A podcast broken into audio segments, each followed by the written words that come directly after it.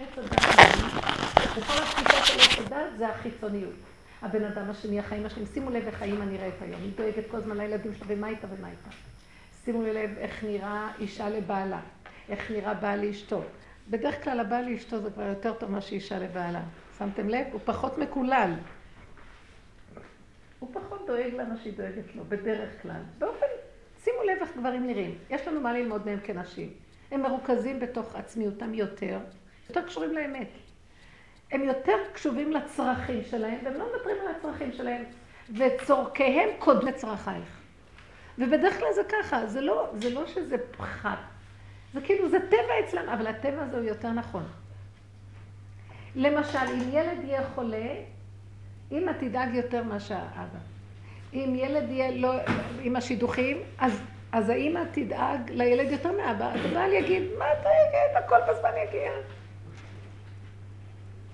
אם הוא לא מרגיש טוב, הוא דואג קודם כל לעצמו.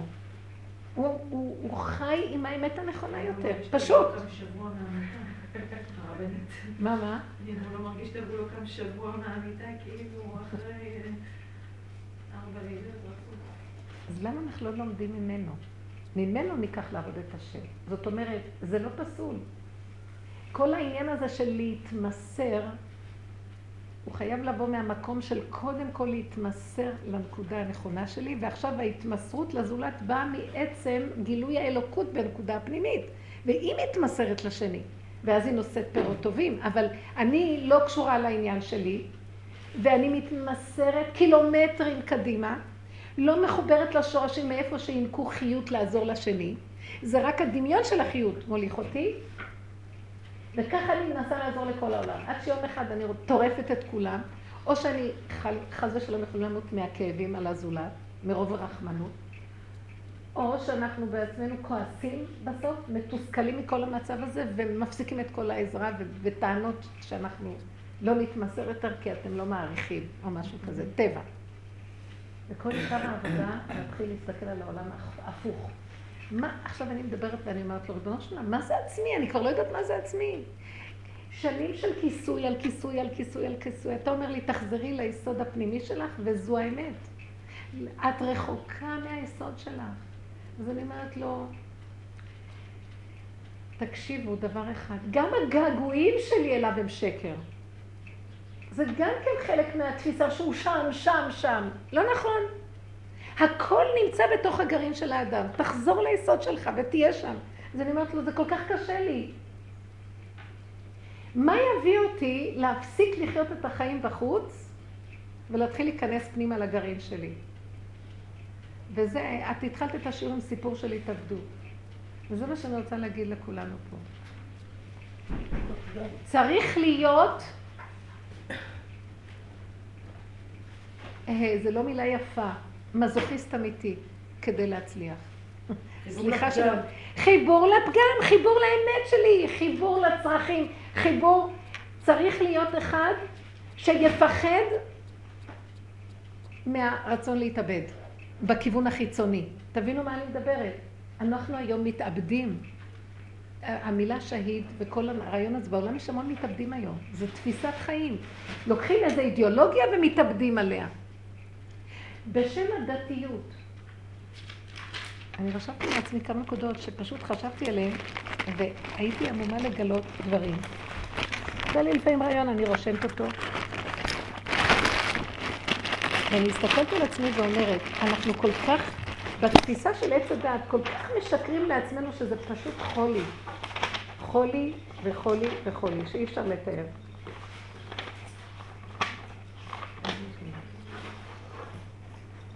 לפעמים הסכסוכים, היה לי איזה סיפור שמישהי אמרה על איזה סכסוך בקהילה. אני ראיתי את זה מהעולם ולקחתי את זה גם לעניין שלנו.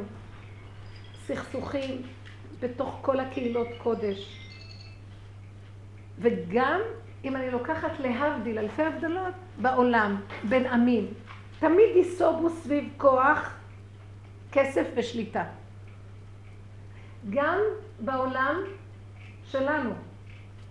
הכוח זה להשיג יכולת להשפיע. למה הם רוצים כוח? לשלוט על השני. הבני אדם, למה הם רוצים? כדי שיש להם משהו להגיד לשני והם רוצים להשפיע עליו, אז הם צריכים כוח. עמדה של כוח כדי להשפיע. כסף, הם צריכים משאבים בשביל להשפיע את מה שהם רוצים. ושליטה, זה מביא להם לעצמאות, הם רוצים להיות עצמאים. בני אדם ככה. אבל תמיד זה יהיה עטוף בדעות ורעיונות של דת וצדק, שזה רק התפאורה של הדבר. באמת אנחנו רוצים שליטה, כוח ועצמאות. וגם, אני גיליתי את זה גם בתוך המציאויות שלנו. דווקא נשים, ברור שבעולם בחוץ זה בכלל בצורה פרועה. למה נזכרתי בזה? על המילה מתאבד, שהיד. יתאבדו על אידיאולוגיה דתית, שצריך להרוג אנשים שלא הולכים לכבוד אללה. אני לא יודעת מה הרעיון שלהם. זה, זה להתבונן לעומק, האנשים האלה חולי רצון לשלוט, חולי רצון להשפיע ולהיות המולכים בעולם עם דעתם. וזה בכל הרובדים. סליחה שאני אומרת את זה. זה גם יקרה בתוך קהילות קודש. זה גם יקרה. כי אם האדם לא יכיר את התוואים שלו ומאיפה הוא בא, העגלה הזאת שהוא רותם לפני הסוס, לפני הכוחות הנכונים, לא, הוא לא מזהה אותם, תוביל אותו להיות עריץ ועוד בשם התורה. וזה הסכנה הכי גדולה. ואת זה משיח יבוא ויגלה לנו. כמו שאמרו שאליהו הנביא לא יבוא לטמא ולתאר, ללמד הלכה. הוא יבוא להעמיד את האמת על תילה, ויגיד לו, אתה שקרן גדול, רד מהכיסא, ואתה, קום מהרצפה, כי ההוא דרך עליו, בגלל שהוא חושב שהוא הוא התחיל, הוא השליט עליו את הכוח. הוא לא, אתה תשב במקומו. הוא פשוט ירחק את המקורבים בזרוע ויקרב את המרוחקים זרוע, יראה איפה נמצאת האמת. וזאת העבודה שאנחנו מדברים עליה, לחפש את זה כל אחד בתוך עצמו. אני מגיעה לנקודה שכשאני מתחילה להרגיש שאני כבר לא יכולה לסבול, אז אני לא, אז אני מבינה שזה לא השני הבעיה שלי. אני פשוט התרחקתי מדי מיסוד האמת שלי. כל מצוקה, כל לחץ, כל כאב, כל סבל, כל תסכול נובע מזה שהתרחקתי מהיסוד שמחיה אותי.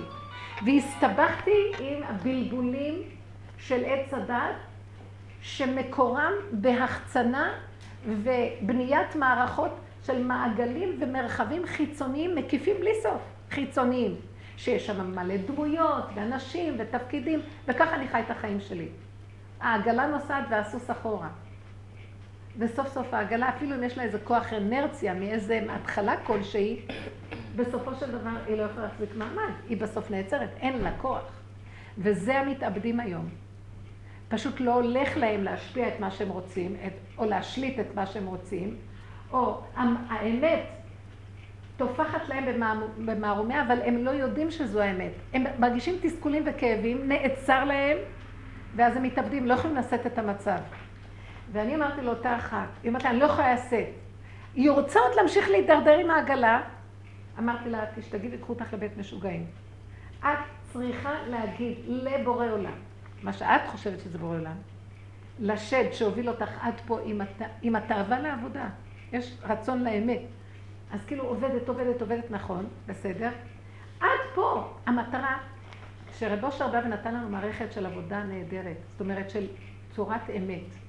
עכשיו הוא אומר לנו בוא נעבוד. מאיפה אנחנו נעבוד? מנקודת האמת? מהסוס? לא, אנחנו הלא בעגלה. אנחנו נעבוד מהשקרים שלנו, האגו שלנו מתעורר. אנחנו נשיג את האמת. ונעשה הכל להשיג את האמת. מאיפה שהעגלה תקבל את החיות. אנחנו מדומיינים עוד, כוח האנרציה של המוח מפעיל אותנו כאילו אנחנו נמצא, מבינים, וזה הסימן שאנחנו לא במקום הנכון, שאנחנו מבינים. כי עולם ההבנה זה עולם בפני עצמו. עולם ההשגה, ההבנה, הדעה, הדיבור, היכולות, הכל בסדר. זה בסדר וזה תהליך מאוד טוב, כי אנחנו חייבים להתיש את הכוח הזה. עגלה חייבת להיעצר, אז חייבים עוד בהידרדרות שלה לא, ליהנות מהכוח הזה קצת ולהוציא לפועל את כל הכוחות. אבל כשהיא עוד רוצה לתת, כבר הכוחות נגמרו, מה הסימן? היא במצוקה שלך להשתגע. לא, היא תיתן עוד צעד, שמא חס ושלום, כל עבודה שהיא עשתה עד עכשיו, אז לא יהיה שווה. אם היא לא תעשה עוד צעד, אמרת לה, אבל עוד צעד את הולכת להשתגע. אז תגידי, עד פה ואני לא יכולה יותר. זה סימן שהגעתי לקצה של השכל, של העולם מספר שתיים, אני קוראת לו. הפכנו את היוצרות. באכילת עץ הדת, המספר שתיים נהיה אחד, והאחד נהיה מספר שתיים. כאשר האחד יושב בפנים, והמספר שתיים הולך כן, יושב לו הדמיון בראש הכיסא, ואנחנו משתחווים לו ורצים עליו והכל. האמת יושבת בפנים. אז עכשיו מה תעשי? את רצה איתה עד לנקודה, הגעת לקצה שלה, מה את רוצה לתת עוד נקודה? תשתגעי. בואו ניקח דוגמאות שונות מהחיים. כמו שאת אומרת, שאת מטפלת בנכדים. והם לא, ושאת רואה שהם לא נבראו, או לא, הטיפול לא הועיל כמו שאת חשבת, אז את כאובה מאוד ממצבה. מה שאני רואה פה דבר אחד, התפקיד שלך כסבתא עבר את הגבול שלו. ונניח שלקחת גם תפקיד של אימא עליי. תפקיד של אימא גם עבר את הגבול שלו. אנחנו יכולים לעשות, לעזור לילד, היינו יכולים לקבל הרבה יותר תועלת אם היינו עוזרים לה מנקודה מספר אחד. אנחנו בגלות, אנחנו לא בנקודה אחד. אנחנו לא מחוברים לעצמיות שלנו. מה זה העצמיות שלנו? להגיד, וזה הנקודה של העצמיות. העצמיות האמיתית של השכינה, היא לא רוצה. היא לא רוצה. אין לה רצון. היא בחינה של בטל רצונך מפני רצונו. רצונו מתגלה, לא רצונה. רצונה מבוטל. לט לה מגרמה. אז מה, היא אוכלת שאותה חיה? נושמת את הקיומיות של עצמה, וכשבא אליה משהו, היא יודעת שזה רצונו. וכשזה רצונו, כשחיים בנקודת אמת, רק סיבות מובילות. הפגם, כשהוא בשלמותו עם עצמו, זה נקרא פגם. יסוד המציאות העצמית בשלמותה, רק אז שם מופיעה הסיבה. והסיבה מובילה. הסיבה מובילה. הם הגיעו אליי, אני צריכה לטפל בהם.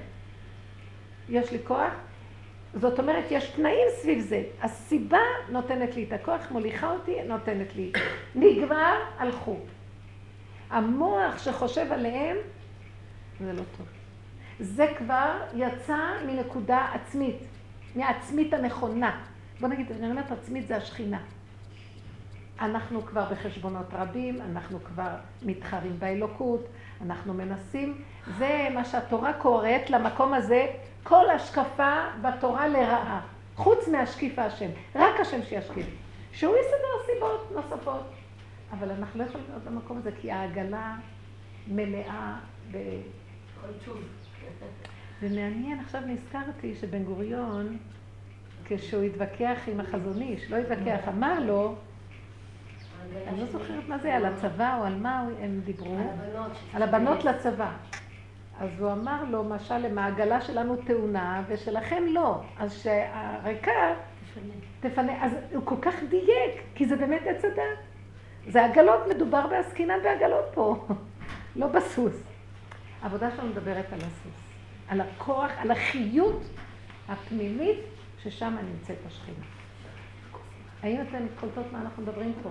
זאת אומרת שעד שאנחנו לא מתקשרים ליסוד העצמי שלנו, מה זה באמת? תדעו לכם, זה קל לדבר, מאוד קשה בגלות הזו, וככל שאנחנו משכילים ולמדנים ויודעים, נקודת הפנימיות מתכסה. תרחיבי את מה? אנחנו, שימו לב, אני מתבוננת דבר אחד, אני קמה בבוקר, אם יש לי מחשבה על מישהו, או איזה סערה, או דאגה על מישהי, או איזה כעס, או משהו, אני יודעת שאני במספר שתיים. איך הייתי צריכה לקום בבוקר? ומה זה במספר שתיים? עץ הדעת מוביל, לא מחוברת לנפש שלי, ונוצרה מין ממלכה חיצונית של איזה קורי עכביש מסועפים ועסוקים ומלא מלא עניינים, אבל זה לא האמת, לא מחוברים לשורש. מה זה להיות מחובר לשורש? לקום, כמו שגולם קם, והוא מאוד מחובר ויודע מה הוא צריך, יודע, לא בשכל, יודע בידיעה חושית, מה הוא צריך לעשות עכשיו? הוא לא בשכל, הוא חי עם הנשימה. וכל מהלך שהוא עושה הוא שלם איתו והוא חי איתו והוא מתמזק איתו ואין לו רק דלת אמות של הלכה בעולמו. זה מה שאמרה לקדוש ברוך הוא, שאין לו אלא דלת אמות. דלת אמות של... הכל קטן, הכל קטן, מצומצם, מרוכז, חי, נושם, רוטט. אז איך בן אדם כזה יפעל? הסיבה מפעילה אותו.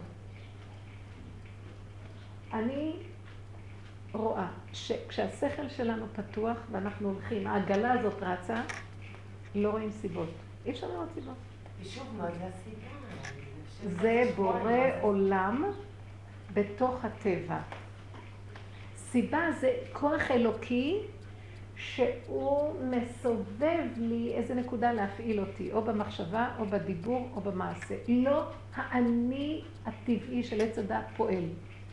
זה לא תוכנית עבודה שקיימת אצלי ולפיה אני פועלת. אין תוכנית, אין כלום, יש נשימה, יש עכשוויות, וכל רגע מובילה סיבה. ודבר מעניין, אם אני חי עם הסיבות, אני רוצה רק לתאר מה זה סיבות, וכמובן שאנחנו לא חיים עם הסיבות. זה מדהים. אני, דוגמה, יש לי תקופות כאלה שזה פשוט מדהים לראות. אני לא זוכרת, אני כמעט נגמר הזיכרון, הווה ועכשוויות מאוד גדולים, ואני יודעת בעלמא שיש לי איזה תוכנית, היום שאני צריכה לנסוע, נניח, הייתי צריכה לנסוע לגליל. אה, קמתי בבוקר, הייתה לי איזו פגישה, גם כן, לא זכרתי, אבל היה איזה טלפון של מישהי שהתקשרה והרמתי, והיא אמרה לי את השם שלה, ונזכרתי שיש שם כזאת, שמישהי שקבעתי איתה שתבוא, לא זכרתי כלום. טוב, נכנעתי לסיבה. אני עומדת אחרי השיחה הזאת לקחת את התיק ולצאת. מתקשר אליי, וממש, אני כבר הודעתי שאני יוצאת, ועשיתי כמה תוכניות מסביב. מתקשר אליי הטלפון של הרב שאחראי על אותו אה, אה, מרכז, ואומר לי, רציתי רק להזכיר לך שהשיעור בשבוע הבא, וזה וזה וזה וזה וזה. אני על יד הדלת לצאת לצפת. הוא רצה להזכיר לי שהשיעור שבוע. אין לי יומן, אין לי כבר, אין לי זיכרון לזיכרון. ומאוד מאוד פשוט, פתאום אני אמרתי לו, תודה רבה. שימו לב איך הסיבות מובילות ומסתדר לך. אחרי כמה זמן הלכתי לאיזה מקום, והייתי צריכה לעשות איזה קנייה, זוכרת? הייתי צריכה לעשות איזה קנייה לילדים, להביא להם לישיבות. אמרתי, אני אעשה את זה עכשיו, נכנסת לחנות. השקיות היו כבדות. וחשבתי, מה אני אעשה? אני אקח מונית, אה, לצאת מהזה, אני אקח מונית. התקשרה אליי איזה מישהי שקבעתי איתה גם כן, קורה לי המון, קבעתי איתה ולא זכר, אמרתי, אני ליד הבית שלך מחכה, אמרתי לה, לא, זכרתי. אז היא אומרת לי, זה לא יפה, נכון, על פי הטבע זה לא נראה יפה, זה לא, זה לא רציני, זה לא מכובד. אז הוא לקח לי את השכל, את הריכוז, את הזיכרון. אז אמרתי לה, אני נמצאת באזור זה וזה. אם את, שלום, אם את רוצה לבוא לקחת אותי, אם את יכולה, ואם לא, אני, אני אקח מונית, עוד מעט ואני אבוא אלייך. לא, לא, אני אבוא עד אלייך, איפה חיכתה לי בדיוק קרוב. אבל איפה שהיא יכלה לחנות זה היה רחוק, והייתי צריכה לסחוב את כל השקיות. ואמרתי, זה יהיה לי כבד לסחוב. אבא, זה כבד לסחוב. לא גמרתי להגיד, זה כבד לסחוב, היא מופיעה ליד הקופה. והיא אומרת לי, אני אעזור לך. אפילו לא, לא ידעתי למה היא שם. היא לקחה את זה, והאוטו חיכה שם. והם לקחו אותי לילדים, ונתנו לי והחזירו אותי, ואחרי שאני גומרת את השיחה, היא אומרת לי, ואני נוסעת לבני ברק, אם את רוצה. והייתי צריכה להיות בארבע אצל רופא שיניים בבני ברק. וראיתי את הגלגול של כל אותו יום, אמרתי, אבא זה אתה? למה שיהיה לי יומן בכלל? איזה... לא, לי מחשבה, זה לא יפה. למה שלא יהיה יומן? תדעי לך שעשינו סיבוב ארוך, וכשחזרתי, אמרתי, אבא, תסתכל, יכול להיות. מה זה קצר פה בדקה? עשינו כזה סיבוב כשהיה צריך... כן, נכון, דרך הדואר היה שם מקום. נכון. אין דבר, זה הכל בורא עולם, אבל זה כל כך היה לראות בדיוק כל דבר מה שצריך. מה ראיתי ש... אבל יש ימים שלא, שאת קמה והעגלה לפני הסוס. זה בחכמים שלו, כשמתעקשים איתו, שזה ככה יהיה. אז ראיתי שהסיבות מופיעות שהשכל נגמר. אבל אם השכל רץ קדימה והוא יודע הכל ורושם לו והוא מבולבל, הוא קם בבוקר והוא לחוץ מה הוא יתחיל קודם ומה הוא יתחיל... הוא והתוכניות שלו, גמרנו. עכשיו זה בידיים שלו, שירוץ וירים את השק עליו. איך מגיעים למצב, רק נגמור בזה, איך מגיעים למצב שהסיבות ישלטו ולא העגלה תשלוט, השכל הדעת? אולי יש לכם משהו להגיד. מה זה לחיות באמונה? זה הכנעה למצב. לא, לחיות איך? תיקנתי, חזרתי בתשובה, שלב א', שלב טוב, את תיקנת את החטאים. הכנעה למצב, אני לא רואה את הרע, אני רואה את הטוב. טוב, מה? הכנעה למצב, אני לא יודעת. השלמה עם הפגם. ללכת עם הפגם עד הסוף. אין דרך אחרת. אם אני, השכל שונא את הפגם, אז הוא, הוא מתלבש על העניין, הולך קדימה. אם אני מסכימה לפגם, אומרת פה ריבונו שלום, את פה, אני לא יכולה יותר, אני הולכת. אני למשל עם הנושא של השידוכים. בעבודה אני אומרת לעצמי, לא, את תלכי עם הסיבות. את לא תרימי טלפון לשום שטחנית. תתפללי להשם והוא ישלח סיבה.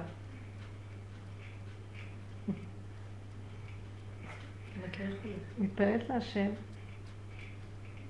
לא שאני לא יכולה, אני מתפללת להשם, אני יכולה, אני לא יכולה. אני לא יכולה. מתפללת להשם, צדק הסכם, מתפללת להשם ואומרת סיבה. ולא הולך כלום. מה שאני לא עושה, בדיוק במקום הזה לא הולך כלום. בסוף אני קמה בבוקר ואני אומרת לו, של עולם, אני לא הולכת טוב. אני הולכת עד הסוף עם הטבע שלי, והטבע שלי, אני מנהלת. הייתי מנהלת שנים של מוסדות, של תיכון, של סמינר, הייתי מנהלת של מדרשיות. יש לי כושר ניהולי מדהים, אה? וזה היה פשוט מדהים איך הכנסתי את עצמי. העגלה, מדינה שהיא לא יכולה לרוץ, אז היא צריכה לי, אה, כל הזמן להיות במצב כזה. אני רואה שאני נהיית במצב כזה, נהיה חידלון, אין כלום. ואני אומרת לו, אבא, למה?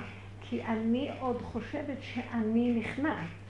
זה, זה תהליך מאוד קשה, העבודה הזאת היא לא פשוטה, כי השכל מבלבל אותנו, כל הזמן רוצה להיכנע. אבל הוא לא, הוא לא הולך עם הפגם באמת. אמרתי לו, אני הולכת עד הסוף עם הפגם. אני ארים עכשיו טלפונים לכל מי שרק, כל מי שאני רק אצא. אני אקח רשימות ואני הולכת עד הסוף עם זה. ואותי לא תבלבל ולא תשגע. זה מה שאני, עגלה שרצה קדימה. ו, ואני לא יכולה לעצור. תעצור אתה. לא גמרתי להגיד את זה, מתקשרת אחת, מתקשרת עוד אחת. אני, רק המחשבה כבר הובילה. אבל אמרתי לעצמי, אמרתי לעצמי, ריבונו שלם, התחלתי לריב איתו, זה העיקר שלי, זה לא התוצאה, זה לריב על הנקודה. זאת אומרת, כשהתחלתי ללכת, כשאמרתי, אני הולכת בהשלמות עם הפגם, סיבות התחילו להופיע סיבות. רק עם, זה מה שרציתי להמחיש, רק כשהולכים לשלמות עם הפגם. וזה מאוד קשה, כי הדעת שלנו היא זאת, כרגע אנחנו רק דעת, האמת שלנו בגלות. השכל שלנו מתחיל להבין את הבלגן שלנו. עדיין אנחנו לא מבינים איך לעבוד עם זה, כי השכל כל הזמן עובד בטבע, והוא לא מתאים לאמת. זה שכל של אמת, זה לא האמת. אז אנחנו מתבלבלים איתו, וכל הזמן אנחנו רצים עם העגלה קדימה, כאילו אנחנו בהכנעה. כאילו אנחנו בפגם, הבנתם? השכל מנסה לשחק אותה הכנעה. אבל הרבנית, מצד שני יש מקום של שכל, שכאילו אם אתה מוותר עליו, משעמם לך. השכל לא, הוא רוצה ללמוד, ואני רק בתורה, לא לומדת כאילו באוניברסיטה, אבל השכל רוצה ללמוד. יפה מאוד, זה בדיוק מה שאמרתי לו. אתה בראת אותנו כרגע, אנחנו בגלות עם שכל, נכון? אתה רוצה שנכניע את השכל אליך, מה אתה נותן לנו במקום? אני אומרת לו.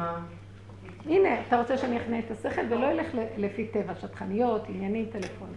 מה אתה נותן לי במקום? אתה קם ומושיע אותי ונותן לי סיבות ללכת? לא. אז אני אשאר בחידלון? מה נעשה? אני, אני מתווכחת איתו, שימו לב, המקום הזה של המעבר חייב דיבורים אליו. מה אתה נותן לי במקום זה? אז אתה רוצה שאני אלך בהכנעה? אז מה אני מתחילה להבין? שהוא רוצה שאני אלך אליו בהכנעה, אבל מתוך הפגם, אני מדלגת על הפגם ומשחקת הכנעה. מתוך המציאות אני צריכה להגיד לו, אני לא יכולה, את... ואם היינו חכמים היינו מתמקחים איתו. אני מוותרת על הספר הזה, מה אתה נותן לי? אז תתגלה. אמרתי לו בשבת, אתה צריך לתת לי, אני לא יכולה כבר להחזיק ספרים. לא יכולה, אני באה לפתוח ספר, הוא סוגר עליי את השכל. אז אמרתי לו, ספר אתה לא נותן, כל מציאות היא רק ספר. פתאום אתה סוגר לי את הספרים, לא פתאום, זה תהליך.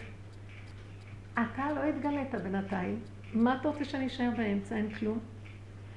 עד שאתה לא נותן לי שהעיניים שלי יראו את המציאות אני אראה בן אדם, אני אראה ספר מהלך על שתיים.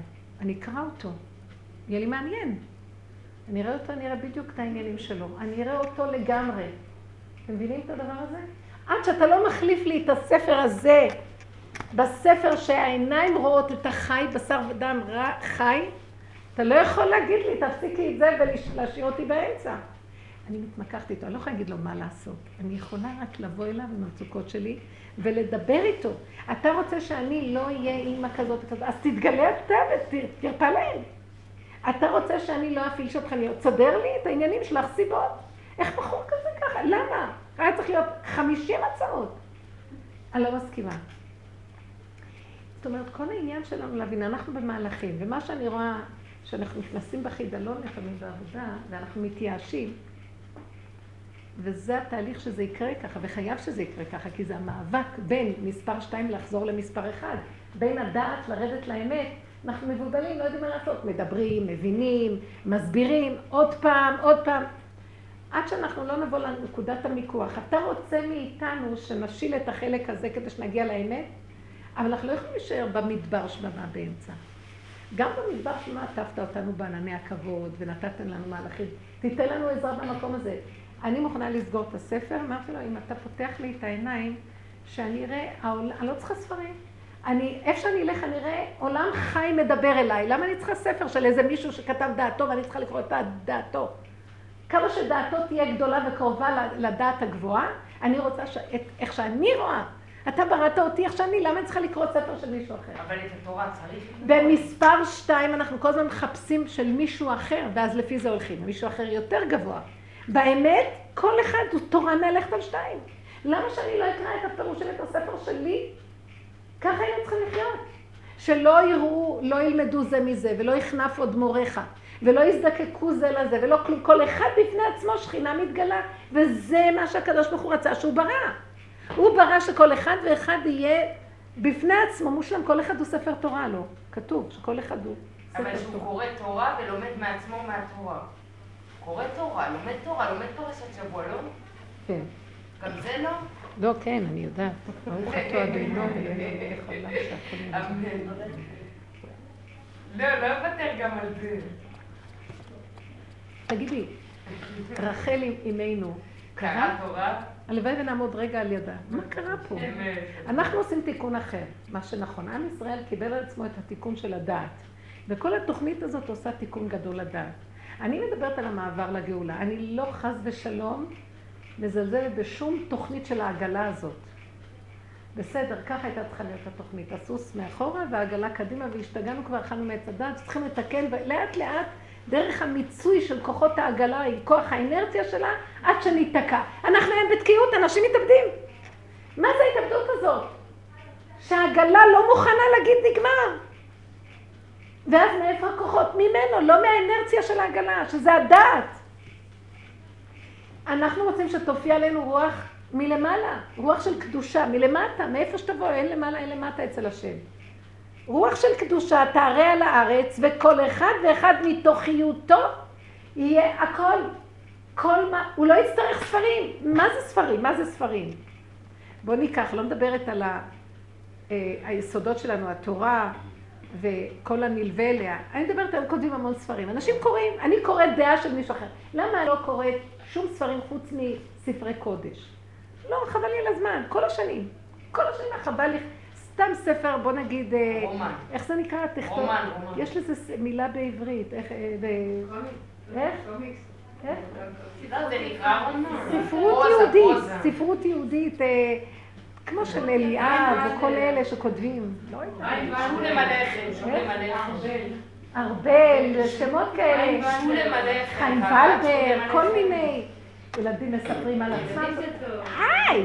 מקסימום אני קוראת פירושים או ספרים כבדים של אה, שוינים, חומות הלבבות, דברים כאלה, אחרי, אחרונים גם כן.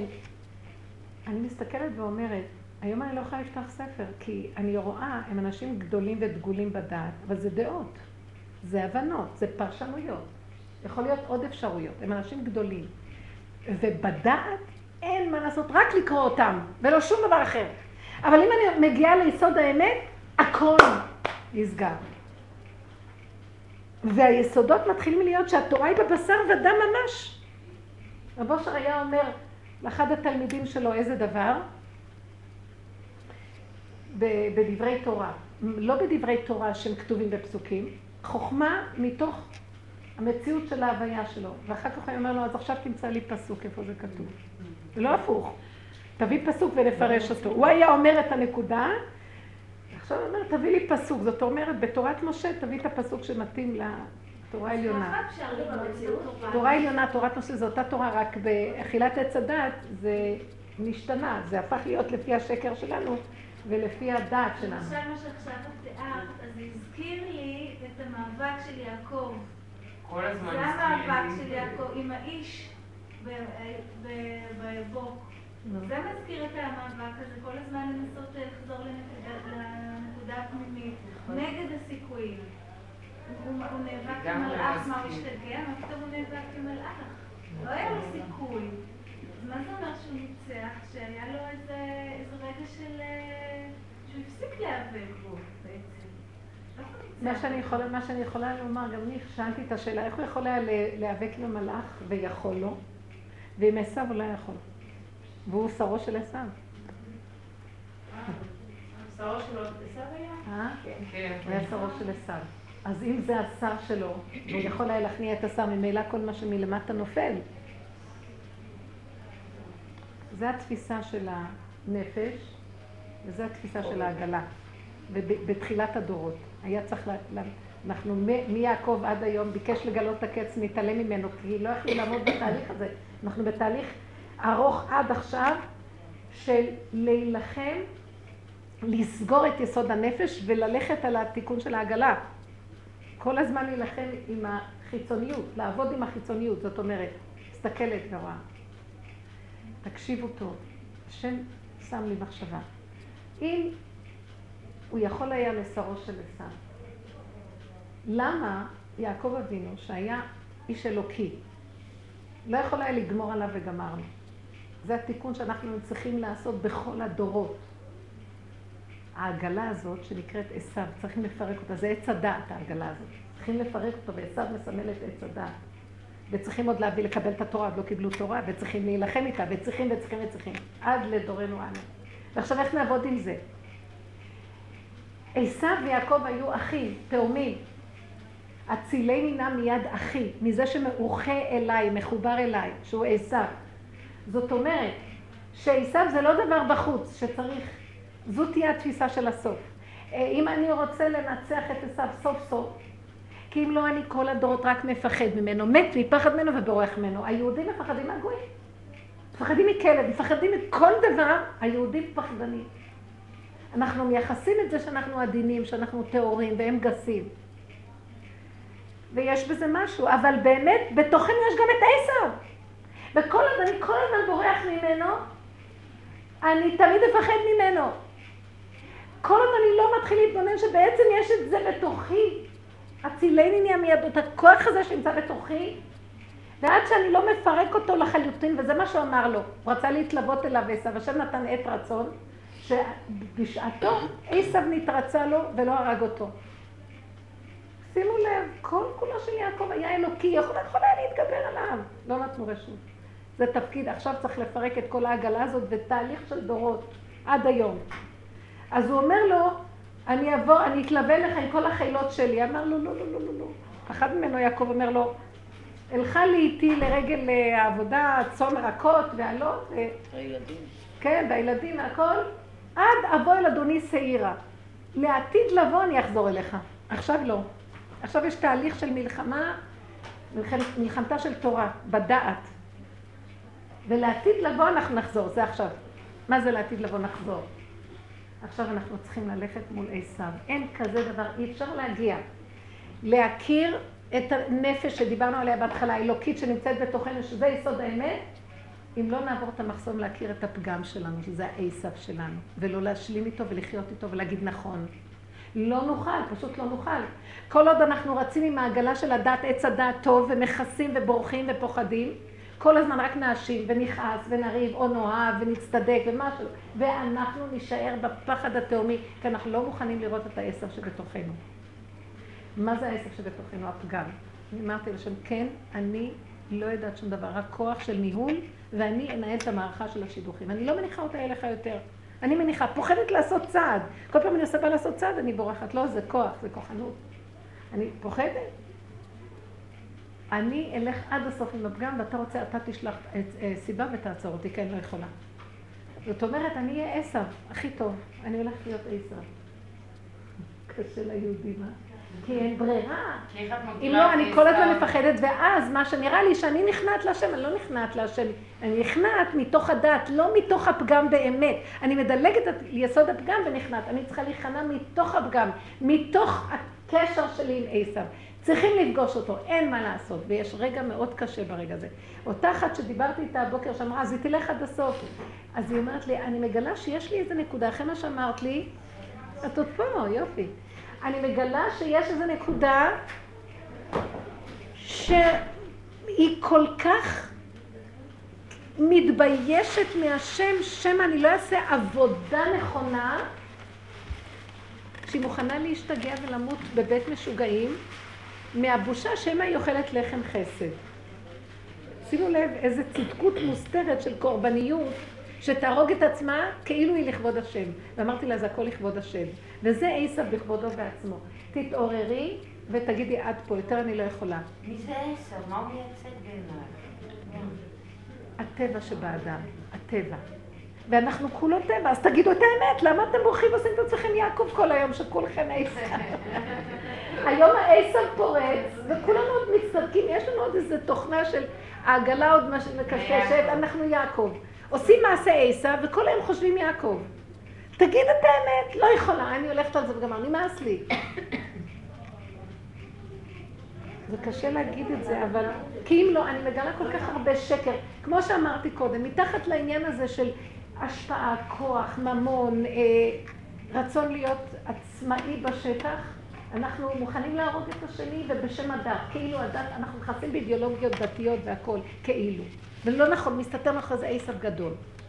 וכמו שאומר בפרשה הזאת בתולדות, אה, השם משמואל אומר, שעשב יושב בשולחן בשלוש סעודות ואף אחד לא יכיר אותו, והוא נראה כמו בגדי לבן, תלמיד חכם אומר דברי תורה בשלוש סעודות בשבת, ורק השם יודע שהוא עשב, ויבוא ויעיף אותו מהשולחן. אז אנחנו לא רוצים שיעשו לנו את זה. לפני שהשם יעשה לנו, בואו נעשה את זה לעצמנו, כי אז יהיו ביזיונות גדולים מאוד. אז כל אחד שיכיר את הפגם, אז עכשיו ככה, בטבע אני מכסה והולך על השני ואומר לו, אתה מתנהג כמו עשו. אתה לא מתנהג טוב. ובאמת, באמת אין שני בכלל. השני הוא רק להראות לי את העשר שלי, ודרך זה אני יכול לחזור ליסוד האמיתי שלי, העצמיות שדיברנו קודם. אבל הרבנית צריך אה, להגיד אה, דברים גם שהם קשים ולא לא, ולא נעים להגיד אותם, שלפעמים אתה הולך עם, ה, עם הפגם, ואתה מצפה שהשם ישלח סיבות, והוא לא שולח סיבות, ואתה נופל שם ואז אומרים לך, אה, זה רצון השם, ופשוט אל תישבר. ואל לא, לא, תישבר, לא, וזה יכול להביא למצבים כן, כן גדולים מאוד מאוד כל ה... לא, רב אושר דיבר על זה, ואמר שאנחנו מאוד צריכים להיזהר שאנחנו... הוא אומר ככה, בואו אני אקריא לכם.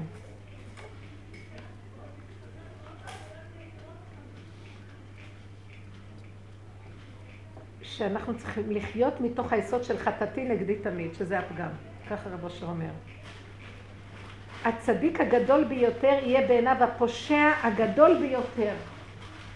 והכל יראו כי לולא השם עזרת לי, כי אז תתגלה הסיבה ותשמור עלינו. לולא השם עזרת לי, כמעט שכנעת דומה נפשית. כלומר, אם הריבונו שלם לא היה שולח לי את הסיבה, כבר הייתי חוטא או פושע במעשה ממש. כי כאשר הריבונו שלם שולח לאדם ניסיון, אז הוא, אזי הוא פושע, הוא פוגם מושלם. רק הריבונו שלם שולח לו את הסיבה שמונעת אותו מלחטוא. והוא חי בשלמות הפגם. אז שולח לו הריבונו שלם את הסיבה. וכאשר הוא בשלמות הפגם, הוא כבר לא יכול לדמות בנפשו שהוא צדיק. כי רואה בעיניו שהוא פושע, ורואה בעיניו שמשהו עצר אותו ולא הרשה לו לחטוא, ואז הוא חי ממש עם הקודשא בריחו, היות שהסיבה הזו היא ממש קודשא בריחו. אבל הוא אומר כאן, אני מחפש את זה איפה שהוא אמר את זה, אבל באמת שהצדיק הוא לא באמת, הנה הוא אומר כאן, הוא אומר את זה כאן.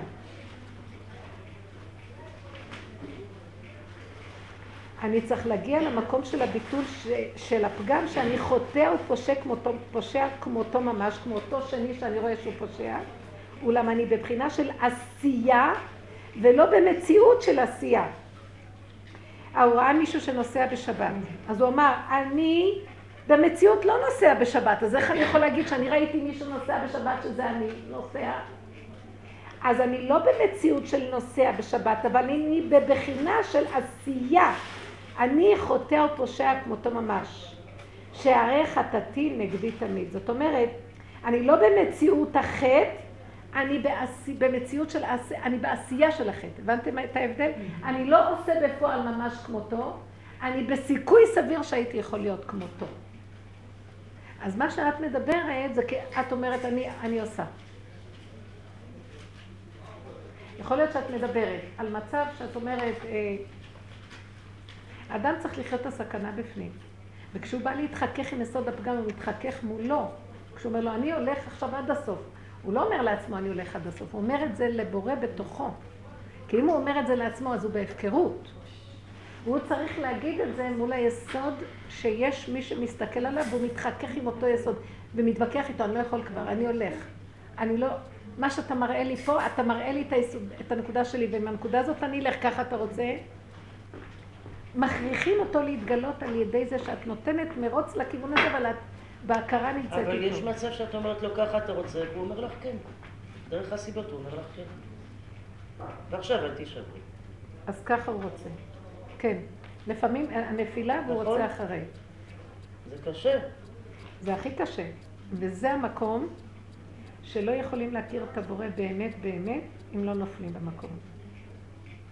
לפחות, אה, לפחות חלק מהאנשים, יש סוג של אנשים שזה ככה אצלם. יכול להיות שזה הסוג של הבעלי תשובה. בגלל שהם בפועל, בפועל צריכים לחוש את הדבר ממש. רק אז הם יכולים להכיר את הנקודה. אבל זה כל אחד בעניין שלו, איך שהשם מביא אותם. כן. יס. בקול רם. עכשיו אני דיברתי ואתם רק תשאלו, כי זה נראה מסובך קצת. אני פשוט שלושה חודשים... חיה הבינה, זה כבר הלכה. כן, היא מסודרת כבר. כבר הבינה. זה המחלה שלי.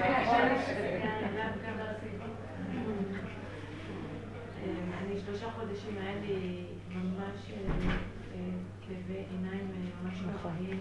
לא הפסקתי לדמוע, הייתי פשוט כאילו דומה, דומה, דומה, וכל היום... חי את ההרגשה שכל הזמן אתה בוכה, 24 שעות אני בוכה, בוכה. אז זה כבר לא משנה אם באמת הייתי בוכה, או באמת שהייתי נראית בוכה, כל הזמן חושבים כל הזמן שאני בוכה.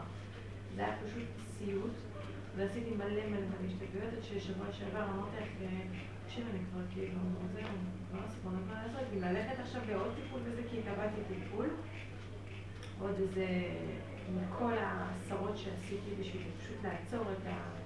אמרו שזה וירוס, אמרו שזה אלרגיה, ולא הצלחתי לצאת מזה. אז אמרתי, זהו, לא עושה כלום. דיברנו על זה השיעור שעבר. כן, כן, פשוט אני עוצרת הכל, זהו, אני באמת לא הולכת לשום טיפול. ואז הייתי צריכה מרשם וכל, לצרופת משפחה, זה לא שלוחם בכלל. והלכתי לשם ואני רוצה לעצמי, איך, היא כזאת חילונית, הרופאה, אני פשוט הולכת להסביר לה, אל תתני לי יותר עצות, אני לא הולכת לעשות את זה. ואמרתי לעצמי, בטח לא תבין כאילו, מה, מה יש לך זאת, כאילו, את עדיין אה, דומה ואת מפחיד. אז אמרתי, אני אסביר לה, אני פשוט אה, לא הולכת לשום מקום. והתיישבתי אצלה, והיא אמרה לי, את עכשיו הולכת אה, למיון. אמרתי, כבר הייתי, תעזבי אותי, אני לא עושה יותר כלום. לא, לא עושה. הוא שם לי את זה, הוא ייקח את זה. אז היא פשוט אמרה לי, את לא נורמלית. את עכשיו הולכת ואין קרן. אמרתי אני לא עושה כלום, את לא מבינה, כאילו. ואז כאילו אמרתי לבורא עולם, כאילו, תוך 90 דקות, אני רוצה, מה אתה רוצה? הנה, אני מוצא את עצמי כאילו הולכת לעשות. ואז אמרתי לעצמי, אולי זו סיבה, אולי בגלל שעצרתי וזה. פשוט היא ארגנה לי את זה הכל בשני שניות, כאילו, את עכשיו אה, טסה למיון, אין כמה יש אמרתי, הנה, אני לא יודעת מה לעשות. אבל סיבה, אבל זה גם הפגם שלי שאני כאילו... ממש, אה, אני לא יודעת, הטבע שלי הוא לא לשבת בבית, אני תמיד כאילו... כן, לחפש פתרונות. מה? זה הפסיק לך? כן, והלכתי למיון, ופשוט מישהי ראתה אותי, אמרה לי, מה זה כל הטיפולים האלה שעשית? מה זה כל התרופות? זה טוב, שמתי, פתאום התחלתי לראות. אחרי שלושה חודשים שלא ראיתי רק דמעות, התחלתי לראות. יצאתי מהבית חולים, כאילו ממש ראיתי, וואו, אין יותר דמעות, אני רואה עולם.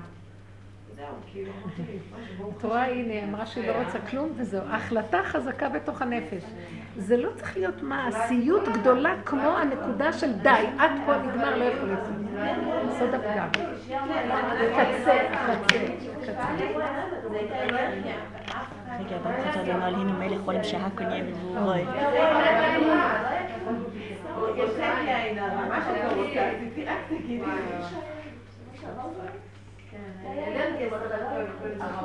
לא, זה היסוד, ראיתם עד הקצה עם הנקודה. אין מה לעשות, אבל צריכים להגיע לקצה, וזאת שהגיעה היום, שהיא דיברה איתי על הקצה, היא עוד מחפשת עוד נקודה. ואני ראיתי שהנקודה הנוספת שעוד מעריכה לה את הנקודה כדי שלא תיכנס לפגם זה השטן בכבודו ועצמו, ועוד בשם, היא עוד נבהלה שמא היא כל הקורבנות שנתנה עד עכשיו ילכו לה לאיבוד ברגע אחד. אמרת לו שילכו, את לא נתת כלום, אף אחד לא נותן להשם אף פעם כלום.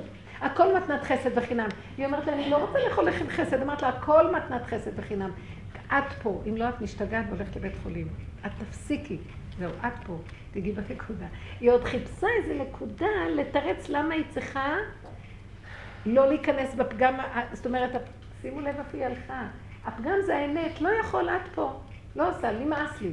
והיא עוד חיפשה עוד נקודה שהיא עוד יכולה משהו. וזה כזה מסובך. אבל איך כן. יודעים, הם יכולים, מתי, היא יכלה גם להגיד לרופאה הזאת, לא, אני לא הולכת. השם נותן בתוך הנפש תחושה שהבן אדם, כמו שהוא אמר, אני כבר לא יכול יותר, גם מה שהשני יגיד לו, יישמע לו, כאילו, אני לא, אבל אם אתה רוצה אתה כן, אז יהיה דרך רופאה, דרך... אה, אה, דרך מישהו שרק יהיה, זה יכול להיות דרך אה, נמלה או חתום, לא יודעת מה. היא נתנה לי כזאת הרגשה, היא פשוט הסתכלה עליי ואמרה לי, את לא נורמלית. כאילו מגיע נכון, אנחנו כבר לא בנורמה. ואז כאילו ממש הרגשתי שזה משהו מלמעלה, כי יודעת, לא כל אחד יכול להגיד לך שאני לא נורמלית. כי היא יודעת כל מה שעשיתי, גם רפואה טבעית, ומומחים, שימו לב מה קרה פה. עכשיו, אנחנו על פי טבע יכולים להגיד, מה קרה פה? הרופאה סוף סוף שלחה אותה לטיפול, ואנחנו פה מדברים דיבורים באוויר, אבל קרה כאן דבר מאוד מעניין. היא הלכה עם עצמה עד הנקודה מול בורא עולם ואמרה, עד פה. עכשיו השם יכול לקבל, לקחת את כל העולם איכשהו ולהשתמש בו איך שהוא רוצה. משתמש ברופאה והוא משתמש באמבולנס, הוא משתמש בכל דבר, או באחות שהייתה שם במיון, או בכל דבר אחר. זה בורא עולם. אל תחשבו בורא עולם זה משהו באוויר. בורא עולם זה העולם הזה וכל מה שיש בו. אבל זה לא אני, זה הוא. ויש הבדל מאוד דק, זה כמעט דק עד בלתי נבדק. שלא רואים אותו וחושבים, זה טבע, סוף סוף לקחה אותה לאחות, לרופא, מה כבר קרה פה? יש הבדל שמיים וארץ, 500 שנה הבדל. בין זה שהיא תרוץ מתוך הרצון לפתרונות, לבין זה שאצלה מת נקודה כזאת ולא יכולה יותר כלום, ומה שיהיה מעתה ואילך זה לא היא. מה שיהיה עכשיו, שזה לא היא, זה רק הוא. שישתמש ברופאה, ושישתמש במכונית, וישתמש באחות אחרת, וישתמש בטיפול כזה או אחר, זה לא מעניין אותי. רבים שלוחים על המקום, והכל שלו, והוא יעשה מה שהוא רוצה בעולמו. ושנדע שמשיח יגיע, ישתמשו בהכל, עולם כמנהגו נוהג. רק כולנו נראה עין בעין שזה ולא מה שאנחנו היום רואים. כי היום אנחנו מסתבכים עם הדעת, נותנים ספק בזה, או שאנחנו אה, כל כך רצים אחרי הדמות הזאת ומתחבקים ואומרים לה תודה, או שאנחנו כועסים על זה ואומרים זה לא, ואנחנו יותר מדי מעורבבים עם האני שלנו, ולא הוא המנהל את המערכות. ויש הבדל גדול מאוד. שימו לב באיזה מתיקות הוא עשה את הכל, היא לא הפריעה לו. היא לא הפריעה לו. אז הוא השתמש ברפואה שלו, הוא סידר את הרפואה בעולם. לכן, היום בעולם של הטבע אסור לנו להגיד זה טוב, זה לא טוב. באמת בעץ הדת את אומרת, רפואה אלטרנטיבית נהדר, רפואה כזאת, לא נכון כלום. השם יכול לקחת את הרפואה הכי קונבנציונלית ולעשות איתה ישועות, ולקחת רפואה אלטרנטיבית ולעשות את החורבן הכי גדול, והפוך על הפורגן. וזה באמת אצלו יתברך, אין עניין מה, מה טוב, מה לא טוב. הכל שלו. הכל לפי זכויות, נכון? משהו.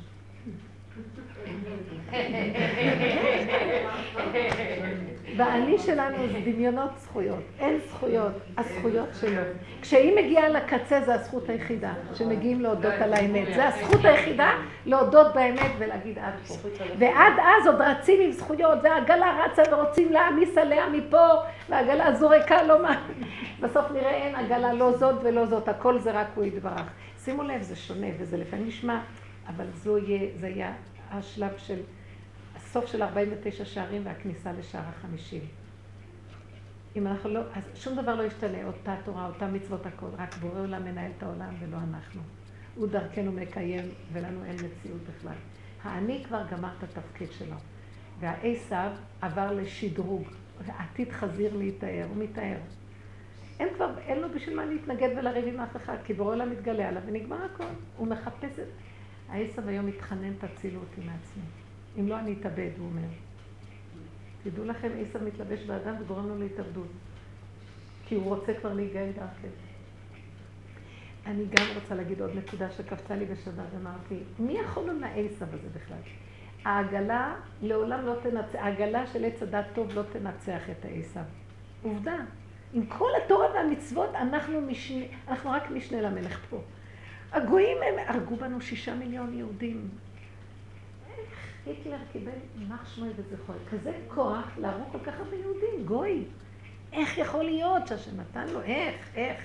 יש, אין שאלה, אין כאן תשובה. אז מי יכול לו בכלל? וראיתי שלא נוכל להילחם עם העשב, עם העגלה. זה עגלה מול עגלה, עץ הדעת טוב מול עץ הדעת רע. לא נוכל, כי תמיד הוא יהיה יותר. רק דבר אחד, מי הרג את עשב? חושים. דן, חושים בן דן הרג אותו.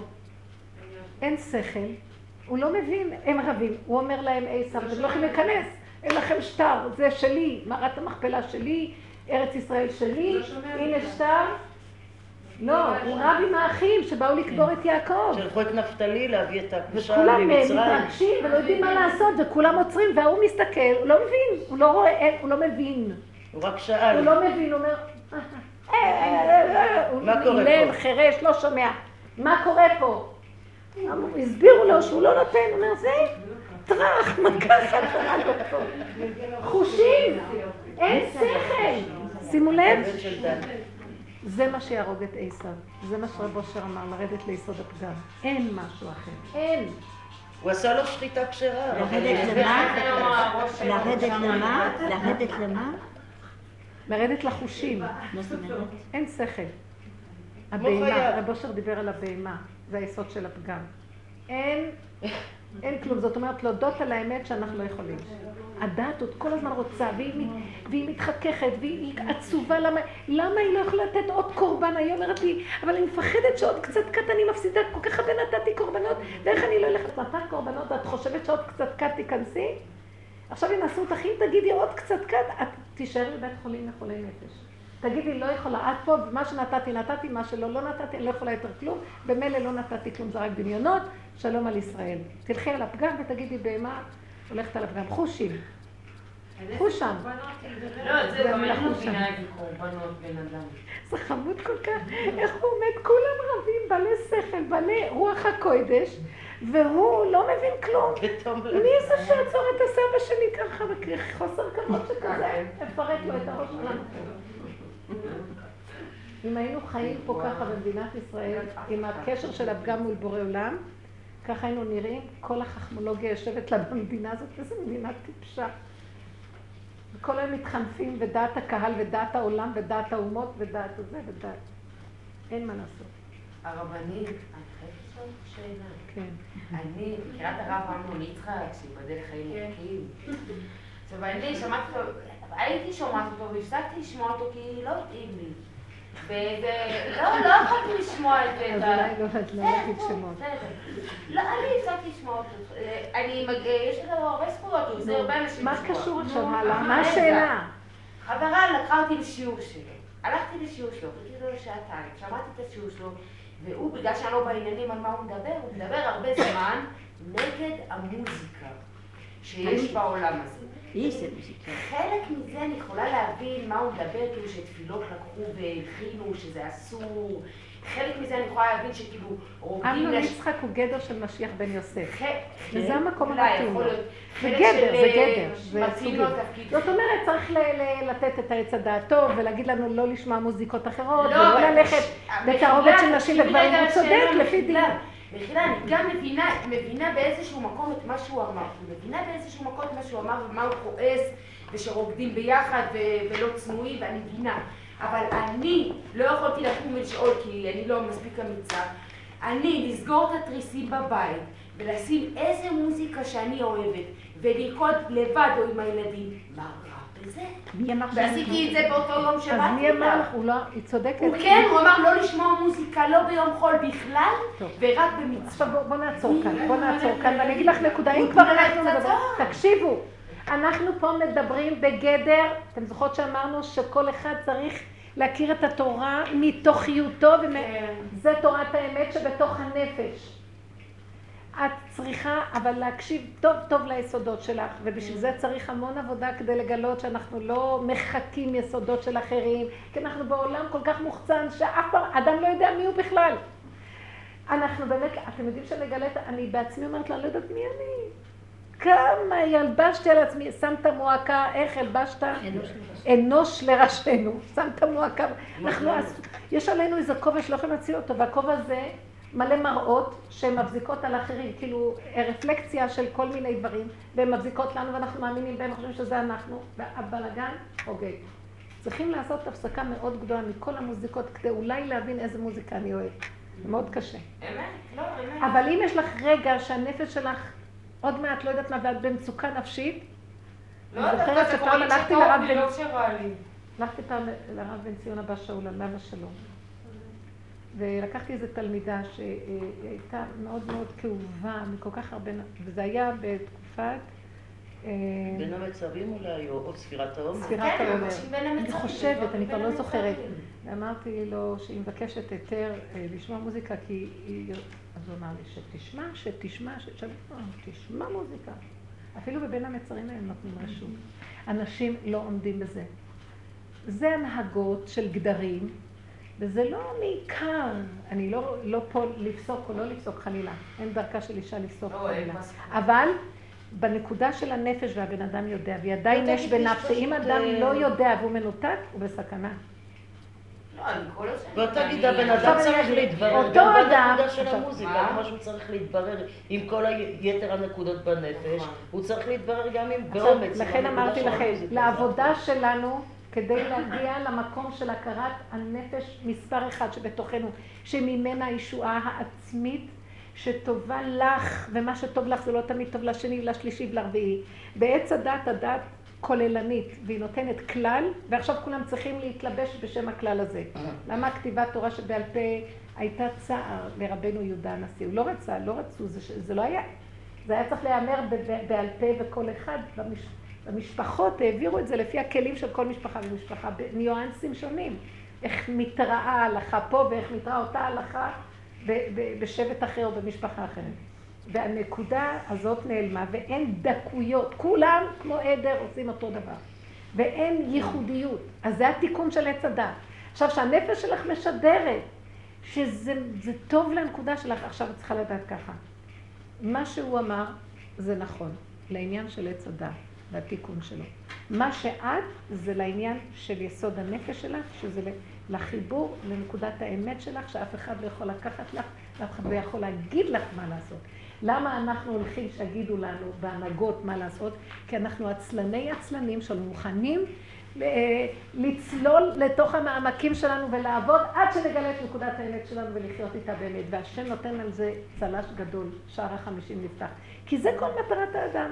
גם התיקון של עץ הדעת בגוף, והנפש תקבל את התיקון שלה. עד שלאט לאט אפילו גם הגוף הופך להיות נפש. הכל נהיה, זה, מזה, זה, זה כל הגדולים מאיפה באו, והם מורים לנו מה לעשות.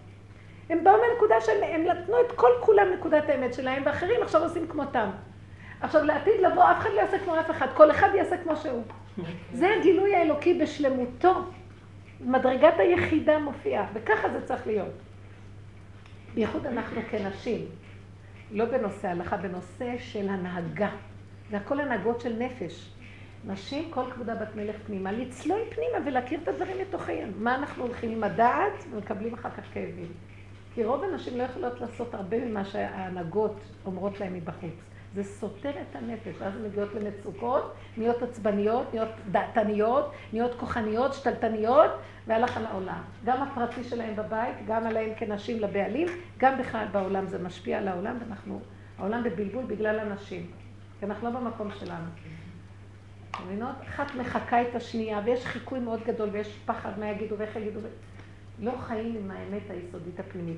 ולכן כל כבודה בת מלך פנימה זה מעיקר הדין לבת ישראל. זה דת יהודית ממש מעיקר הדין. זה לא רק העניין של הבגד בגוף, זה כבר התוצאה בגוף. היסוד חייב להיות ביסוד הנפש. אף אחד לא יגיד לך כלום, את בתוכך יודעת הכל. וזה גם, תדעי לך, זה סוד, ואסור לך לגלות את זה למישהו אחר. זה שלך, ואת לא אומרת את זה לאף אחד. את לא תגידי, אני כן צריכה את זה בשבילי. אז תעשי, למה את צריכה להתווכח עם מישהו? מישהו אומר לך לא? כן. בשביל מה את צריכה ללכת להגיד עליו? הוא יגיד מה שהוא יגיד. לא, זה נפל עליי כפצצה. זה נפל, אל תקחי, לא כי אני שומעת הרבה מוזיקה. תקחי אותו עד לנקודה. בנפש את המורה דרך של עצמך, בורא עולם בתוכך, השכינת הכיוון. טוב, תודה. וצריכים להיות קשורים מאוד לנפש. כי אם לא, את תשימי לב, את תיכנסי למצוקות כאלה, שבסוף לא, תצטרכי לבקש התרה לדבר שבכלל לא ביקשו. אנחנו עוד הולכים לרבנים לבקש התרות על דברים שאף פעם לא עשו עלינו. אתם מכירים את הבלגן של הדור הזה? אנחנו קושרים את עצמנו ורצים לרב, והרב אומר, אוי לי, אוי לי, מה אני אגיד ככה, אוי לי. טוב, בסוף כשהוא רואה פיקוח נפש, אז הוא מתיר לך את מה שכבר במילא מותר. אנחנו השתגענו לגמרי. אנחנו בסכנה מאוד גדולה. כן. איך אפשר להתפלל נכון ולא לחשוב שעכשיו תפילה שלי, קצת מאוד והכל מסתדר. כאילו, אפילו בזה כבר הגענו לשליטה. שאנחנו כל כך, שימו לב איזה, ברגע שיש לך כזאת מחשבה שהתפילה שלי משהו משהו, זה סימן שאני מתפללת מהדעת. כי אה, אני ישר רואה את עצמי מתפללת. אני תמיד רואה עוד מישהו, בעולם של הדת אני תמיד רואה חוצי לי. גם דבר כזה כמו תפילה הופך להיות, אני רואה שמישהו רואה אותי ואיך אני מתפללת, נותן לי ציון. אותו אחד מעצמי מקרין לעצמו, זה השקר. אז אה, תסגרי את המוח, אל תתני למחשבה כזאת מקום. תביני שהיא קיימת, כי אנחנו חולים ורחוקים, גלינו מארצנו והתרחקנו מהנקודת האמת, אבל אל תתני למחשבה הזאת ממשות. היא תבוא. המון מחשבות כאלה מסתובבות. ראו מה שנתת צדקה, תחפש לראות אם מישהו ראה. כל היום אנחנו רק מסתכלים אם מישהו רואה מה שאנחנו... הנה, עכשיו את רוקדת עם עצמך ואת רואה משהו במוח שלך מציץ עלייך ועושה לך נו נו נו. כי היית שמעת את ההרצאה של הרב. מה זה קשור? תסגרי את המוח, את עם עצמך, זה משהו אחר. תרדי לפגם, תסגרי. לכן אמרו חז"ל שלנו לא טוב הדעת, כי הדעת משגעת אותנו. כי היא כל הזמן קופצת לנו ומציצה לנו בחדרי חדרים, ולא נותנת לנו לחיות. נשים מאוד סובלות מהמקום הזה של הדעת, זה משתק אותם בחיי החיים הכי פנימיים שלהם, חיי הבית, הפנימיים ביותר עם הבעל. המוח משתק את הכל, לא נותן את הקשר הנכון. תקועים. אין לנו חיבור נכון עם הפגם, שמשם בא כל החיות של הנפש, שזה החיות לבעל, חיות לבית, לילדים, לכל. לא, אין לנו. המוח מקשקש ותמיד יש שם שניים. שזה רואה את זה, וההוא רב איתו, וההוא רב איתו, כל הזמן אנחנו במריבה. אפילו שאני כבר מתפלל, רואים אותי. אז או שאני חי מהסיפוקים הדמיוניים שאני מתפלל בשמיים, או שיורד עליי איזה מישהו שם ואומר לי, עשית ככה ועשית ככה, ולמה את עושה ככה? וזה השדים והרוחות שבתוך המוח. שיגעון ממך. יותר טוב לא להתפלל מה שלהתפלל. מישהי הלכה לרב אושר והייתה בוכה למה אני לא מתפללת, כי היא הסתכלה על עצמה שהיא לא במדרגה של התפילה. אז הוא אומר לה, אז תגידי קוקוריקו כמה פעמים. זה אותו דבר. מה יש לקדוש ברוך הוא מכזה דבר? הלוא במילא גונב לך השד את הכול. תרנגול אומר. מה היא ביקשה? מה היא אמרה? הבנתי מה היא אמרה. שהיא בכתה שהיא לא מתפללת, כאילו אין לה מדרגה של תפילה. אמרה לה, תגידי קוקוריקו, אותו דבר. זה, זה, זה כל הזמן להתבונן. כל דבר שמפריע לנו ויש בו דואליות, תדעו שזה הצד של העגלה. העגלה דנה את עצמה ורבה עם... איך אפשר לסבול את זה? זה חיים קשים. בעצם מה שרבקה עברה בייסורי אה, עיבור שלה, זה היה המלחמה עם שתי הכוחות האלה כל הזמן, בלי סוף. יעקב ועיסא זה קשה. בסופו של דבר, אה, הייתי אומרת שיעקב היה עץ החיים ועשב עץ הדעת טוב ורע. אפילו, כי... או שיעקב היה עץ, עץ הדעת טוב שנכנס לעץ החיים. אני לא יודעת איך להגדיר את זה, אבל היא סבלה מאוד בתוך המהלך הזה. איך ילדת שתי בנים ושתיהם והיא לא איך, איך? איך? מה? איך כאילו אפשר, יש איזה הרע מלמעלה ש... או איזושהי... אה, איזשהו רמז ש... איך היא לא את עשיו למשל? ילדה את שתיהם. ילדה את שניהם, איך היא לא אוהבת את עשיו? כאילו, מה זה? סימן משמיים? לא כתוב שהיא לא אוהבת. לא, למה היא מבקשת מיעקב רות תיקח את הברכה? ואתה, מה היא אומרת שהוא לא ייקח את הברכה? אני לא אומרת שהיא לא כבר חושדת בו וכבר הוא איום כזה. אה, רבקה עשתה, שימו לב, כל, הדור, כל הדמויות האלה בתחילת הדורות היה לטובת התיקון של עץ הדעת טוב, כדי שיעשה התיקון דרך לימוד התורה ודרך זה.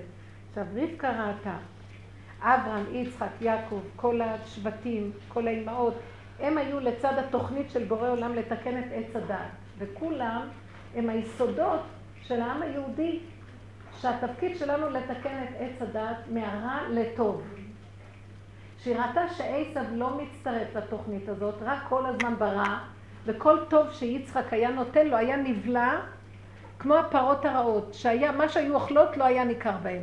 למה יצחק מאוד אהב את עשיו? כי הוא ראה שיש לו פוטנציאל מאוד גדול דווקא דרך השלילה.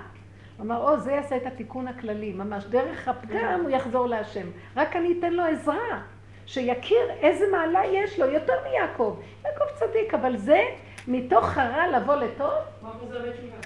ממש, איפה שהם עומדים, צדיקים גמורים לא יכולים לעמוד.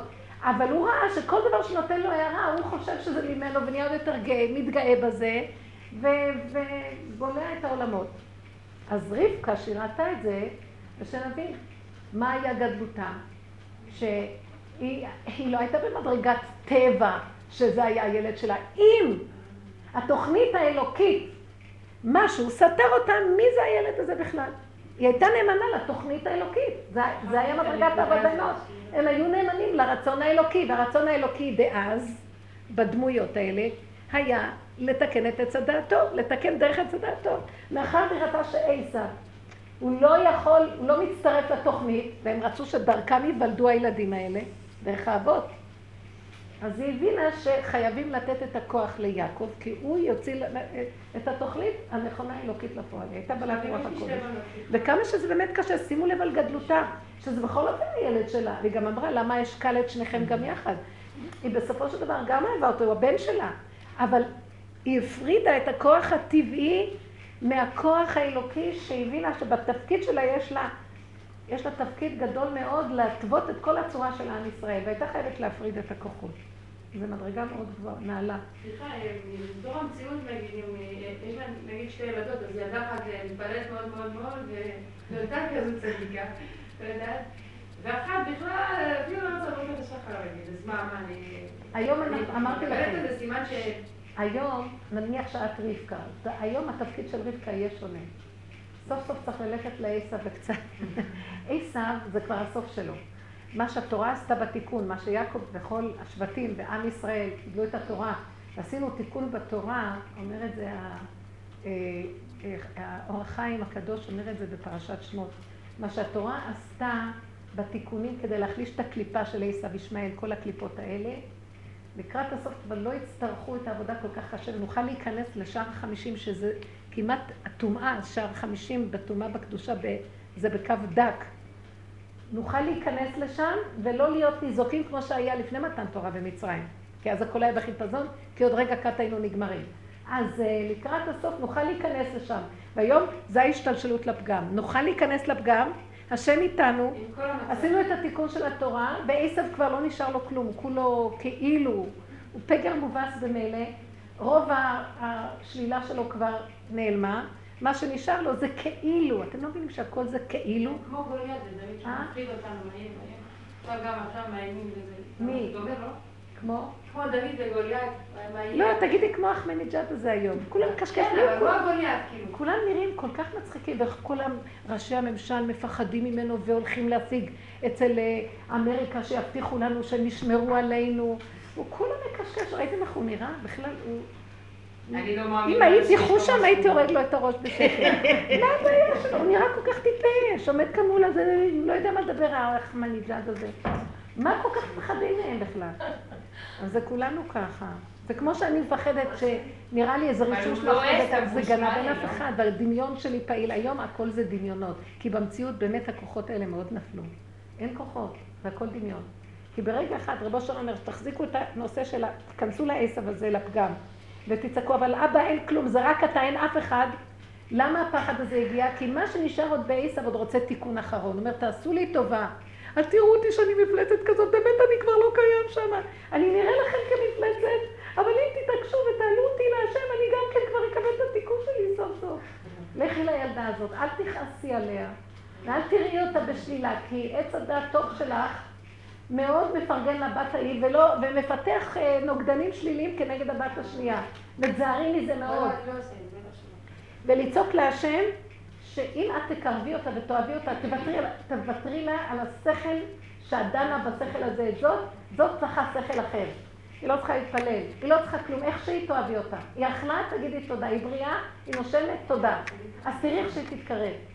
לא לדון אותה בכ... בכלים של, את לא יכולה להלביש על עשב את יעקב. זה עבודה אחרת לגמרי.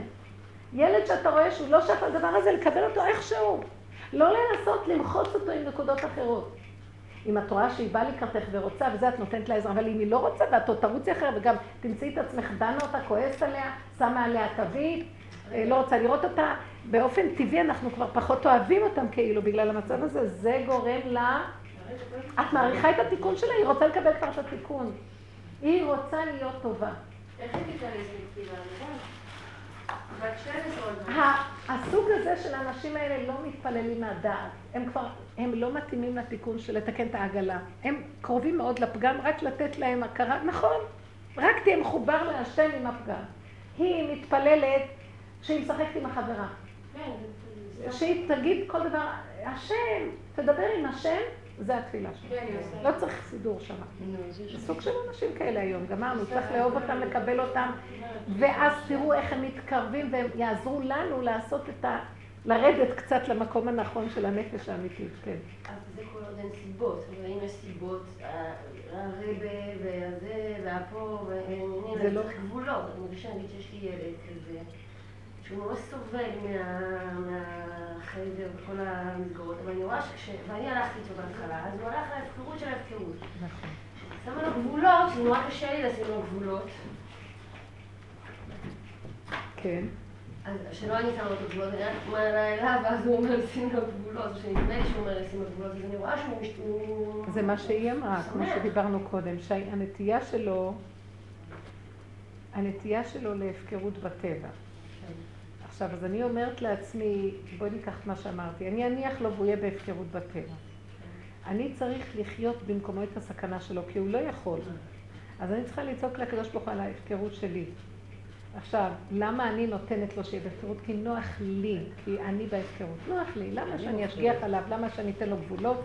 כי גם אנחנו ככה, יש לנו את הנטייה. ואני שקט, זה מה שהשם נתן לו ויהיה ככה. את לא עובדת איתו, את עובדת עם עצמך. מבינה מה שעשית? כאילו החלפת, כאילו את עובדת איתו בעצם נוח לך. עד שאת לא מזהה את ועם זה... לא, בוא נגיד, יש לך הפקרות, נכון? אבל תלכי, מה זה ללכת עם הפגם? עם הפגם מולו, מולו יתברך. מה זה מולו? בוא נפרק. מול ההכרה שלי. אני מדברת עם עצמי כל הזמן, זה הפגם שלך, זה ההפקרות שלך. ריבונו שלמה, אני מצידי הולכת עם... אין לי כוח, אני הולכת עם האנרציה של העגלה, ונדמה לי שאני בהכנעה אליך, לא, לא. אה, עם הפגם שלי שמשהו מעורר בי, לא לפגם שלו, שהוא שלי. כן. אני כל הזמן חושבת שאה, אתה מראה לי את הפגם שלי. הוא מראה לך את הפגם שלך, ואת נותנת היתר בפגם הזה כאילו זה סיבה, כאילו הרבי הוא סיבה.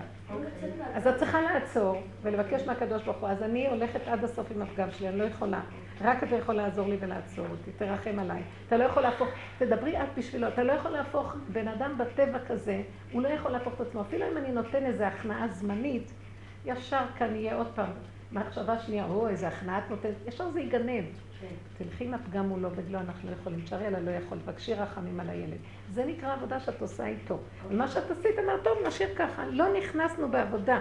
לא נכנסנו בלקחת את הפגם, לעמוד מול בור עולם ולהגיד לו עד הסוף, אבל מולך, מה שרבו כאן דיבר. עד הסוף, אבל איתך. לא עד הסוף עם עצמי בפגם, ונניח שזה עם עצמי עד הסוף, לא, נניח שמולך עד הסוף, ועדיין, אז להגיד לו, זהו, לא יכולים. או שתשנה את המערכת, או שתסדר איזה נס במקום הזה. אבל עשיתי עבודה. באמת, אדם יודע בנפשו, שהוא באמת מתחכך עם השם, הוא יודע. צריך להיות בערנות. אבל נוח לנו להישאר בסיבות החיצוניות ולהגיד, טוב, אם הוא השאיר אותו ככה, השאיר אותו ככה. זה חמקמק שם. זה חמקמק. זה, אני לא צריכה לעבוד על הילד, אני צריכה לעבוד על עצמי.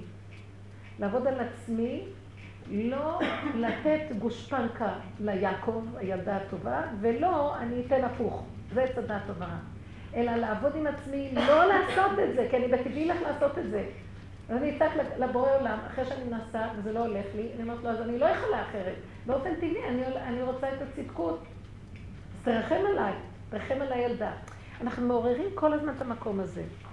ותראו, זה יכול לקחת תהליך, לא נורא. עוד הרבי שולח, עוד היא מפספסת, אבל את בעבודה פנימית. וצריך סבלנות לעבודה הזאת. צריך סבלנות. זה, כן, שאת כל... זה מספיק שרואה אותך כל הזמן מדברת להשם, אפילו אם לא רואה אותך, את מעלה כל דבר להשם מדברת איתו. את מקשרת את המצב שלה להשם, דרכך, דרך הפגם שלך. תמיד זה צריך להיות דרך הפגם. שימו לב, כי עץ הדעת גונב, הוא עוקף את הפגם וכאילו הוא עובד. הוא עוקף את הפגם, אנחנו לא רוצים לנגוע בשלילה של עצמנו. נורא קשה. יעקב שבנו גונב, לא רוצה. זה לא התוכנית שלו בכלל. אנחנו צריכים לעבור דרך עשיו, זה הנקודה, לעבור דרך העשיו. ורק ככה נוכל להבין את השני, לא נוכל להבין את השני לקראת הסוף אם לא נעשה את זה. הבת שלי, הרבנית, כן. הבת שלי, הרבנית צוחקת עליי. מה היא? איזה בת? הבת שלי. אני אומרת, ריבונו של עולם, תעזור לי, משהו כזה, פתאום תופסת אותי במחשב. חושבת בקול רם, אז היא אומרת, מה, את משוגעת? תגידי לה ככה. לא, מה קרה? למה את מדברת כמו זה? כן, אני משוגעת.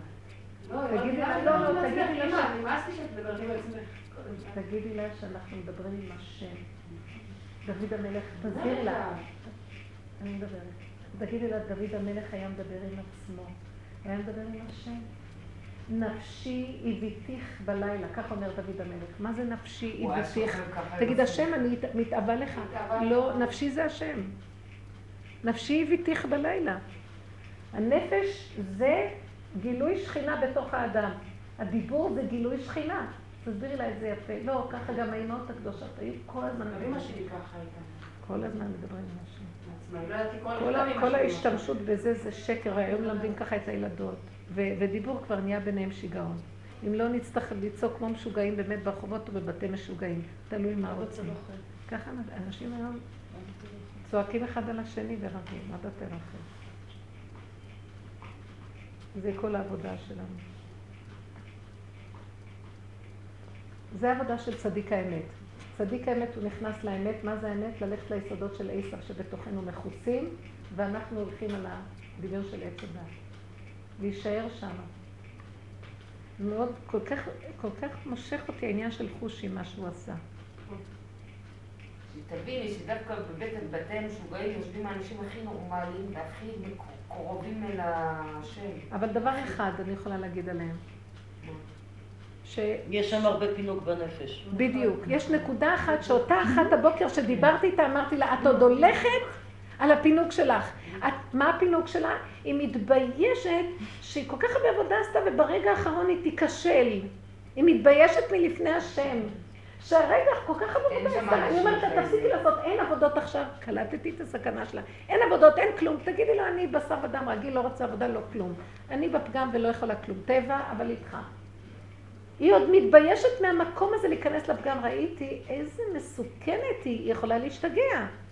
אמרתי לה, מה יש, מה, כשתשתגעי, לא יהיה מי שישתמש בך, תהיי בבית חולים, מה את יכולה להועיל להשם בעולמו? והוא יגיד לך, ככה עשית לי, שמת אותי בבית משוגעים? הלוא אנחנו נושאי כליו של השם, אנחנו יכולים להביא את ההערה לעולם, לא אמות כי אחיה. בסוף, המפתח בידך, איך שאת תתנהגי, אז בור עולם יהיה בבית משוגעים איתך. והוא יצעק עלייך, כך שמת אותי בבית משוגעים? בשביל מה? זה נקודת שטן שגונבת שם, שהיא עוד רוצה... רוצה לפני השם להיות מושלמת. אמרתי לה, אין מושלמות, רק לא, אנחנו חסרים, לא יכולים. בלא יכולים להיכנס לשער החמישים. תגידי שאת לא יכולה, את רוצה להיות ככל האדם, ועכשיו את לא נותנת שום עבודות ואין לך שום עבודה יותר, זהו. את פה. אני קלטתי שהיא במצב שהיא יכולה להיכנס לשיגעון. מאוד מסוכן. יש רגעים שאנחנו צריכים לדעת, עד כאן הגבול. לא, אנחנו נלך עכשיו בטבע ואיתו. זה מה שאני, כן, ככה סידרת. אם אתה רוצה, תתגלה עכשיו בתוך הטבע. זה נקרא ללכת עם הפגם, אבל איתו. אם היינו הולכים ככה, יודעים, כמו שהיא עשתה, היא הלכה עם הגבול, לא יכולה, זהו. לא הולכת לאף אחד, לא הולכת כלום, לא רוצה להתרפות, לא רוצה שום דבר. כן, יגידו לה, משוגעת, כן, את מתאבדת, נכון. נכניס אותך לב... נכון, תכניסו, נכון. הפוך אם לא. שמתם לב? זה נקודת דקה מאוד. איך? גם שם אבל הוא חמקמק, אם את אומרת, טוב, אני אגיד את שנייה לפני משהו. גם שם יש איזה פינוק מסוים לצד השני. אז אולי לפני להבקיע את זה, נניח, את הולכת בדרך והיא קשה, פתאום את אומרת, טוב, אני לא יכולה יותר. וזה גם יצא רע, כי את לא אומרת לעצמך, את עומדת לא. מולו. שימו לב להבדל. אני עומדת מולו, השולחן ערוך, ואני אומרת לו, עשיתי זה, עשיתי זה. התחושות שלי סערה, שיגעון בלבול. אני במצוקה, אני בפחד, בחרדה. ברמה הזאת אני לא הולכת יותר. נקודה. מה, מה, מה כאן מסובך? סוגרים את המוח והולכים לישון. מה את רוצה לעשות? לא, את עוד רגע לפני, זה שטן. אם עכשיו את במצוקה כזאת ובבלבול כזה, את יכולה עוד לעשות משהו? ולהגיד, עוד רגע לפני, הוא מושך אותך לתוך החושך, ששם קשה לקום. לא, לא יכולה, את פה. רגע, אי אפשר להגיע לנקודה הזאת לפני שמתחיל הבלבול? לא, באמת, אי אפשר להגיע לנקודה הזאת ולהגיד, לא רוצה יותר. תשמעי מה שאת אומרת. כי עד שאת לא נוגעת בקצה, את לא יכולה להגיד לפני כן. את לא יכולה, את צריכה לגוע. את צריכה לגוע בקצה. הבן אדם לא יכנע עד שיגיע לקצה, והבעיה שהוא מגיע לקצה ולא רוצה להיכנע. שיגיע לקצה. מה זה הקצה? מצוקה, סערה, פחד, חרדה. לא. ככה לא נצטווינו, לא יכולים ככה לעבוד, לא. נשתגע? מה יצא לך מזה אתה ואני נשתגע? הוא יכול להכניס אותנו כמו שהיא אמרה. אם כל זה ליפול שם, אז כשכבר את רואה שאת אמרת לו לא, ובכל אופן משהו נמשך, עכשיו רק תתבונני במערבולת, ומה שיהיה יהיה. אבל לא את נכנסת לשם. שימי, יש הבדלים. הוא מפיל אותך, כמו שהיא אמרה קודם, הוא מפיל. אז זה נקודה. אבל אנחנו לעצמנו, כן? כן. פרשת השבוע היה משהו, כן. יעקב למעשה אומר, צילי נהיה מיד אחי, מיד בסתיו, הוא פונה בעצם להשם, צילי נהיה הכל במקושה, מסתכל את עצמו, צילי נהיה אתה, אני לא יכול לעשות כלום, כן?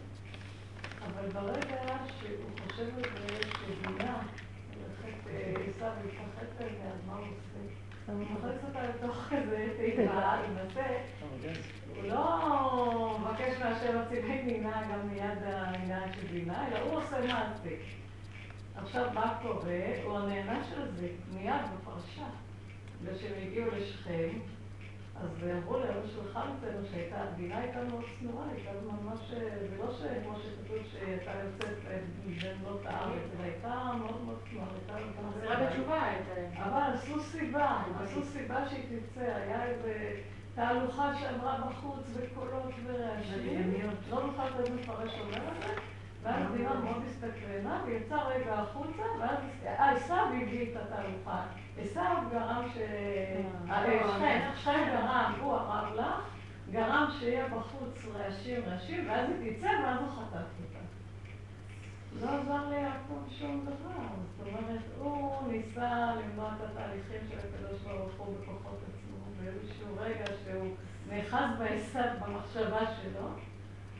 והתוצאה הייתה שהקדוש ברוך הוא הכניס לו את זה ממקום אחר. זה קשה, זה איך אנחנו כאן אה, איך מנתחים את יעקב, אנחנו מונח לפנינו, כאילו מי אנחנו שנגיד, אבל תראו, תורה היא וללומדה אני באה.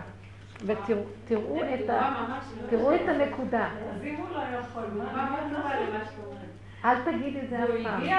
כי הוא זה אנחנו, ואם הוא לא עשה את זה, אז בואו נעשה את זה עכשיו. אז אין לזה תיקון? מי זה הוא? אנחנו. אה, ברא קראה דאבואה. הבן הוא היוצא ירך. אז זה אותו סיפור עם אברהם ושרה. הכניסו אותה גם לתוך התיבה. תיבה זה טבע. הכניסו אותה בטבע. נכון. כן. הטבע זה לא מקושר עם הבורא. הוא יחליט. תראו את הנגיעה הבאית. תראו את יעקב הצדיק, הצדקות של יעקב. ש... הוא אומר שבגלל שהוא נתן לטבע, נכנס למהלך כן. של טבע שנכנסו, אז הטבע עכשיו פועל. כן, בדיוק, אבל אנחנו רואים שהוא נתן לטבע מקום. כן. ואנחנו רק בשר ודם בעולם הזה, וזה קשה. כמה שהוא לא עבד עם הנקודה, עוד יותר, נולדה אסנת. אני מנסה לחשוב. נולדה אסנת, אז מה עשו האחים? בבושה. נולדה ילדה מכזה דבר, אז הם רוצים כולם להרוג יעקב אותה. שולח. גירשו אז אותה הוא למצרים. עושה? כתוב בפרשיות, הוא שם עציץ באיזשהו מקום. ושלח אותה למצרים, הוא ושם הכירה את יוסף. כשהוא ראה את זה, שזה אז כל ה- הנה, כאילו, הם לא ייתנו, מה זה לא כבוד שיש להם זה, אז הם רוצים להרוג אותה. והוא כבר הבין כנראה את כל ה... נו, אז מה, זה כל המניפולציות של הזה. של מה זה הטבע. אה? זה תוכנית האלוקית. אתם יודעים מה- של של האגו? אסון את. לא עונה להם, לא עונה. אבל למה הם עוברים ממש כזאת, הכתם הזה לא רוצים לראות, כמו התאבדות. לא אוהב אותו. ויעקב דווקא מנע את זה. הוא זה שאמר, "נו, מה אני גם את אעשה?" יוסף הם רצו להרוג, לא?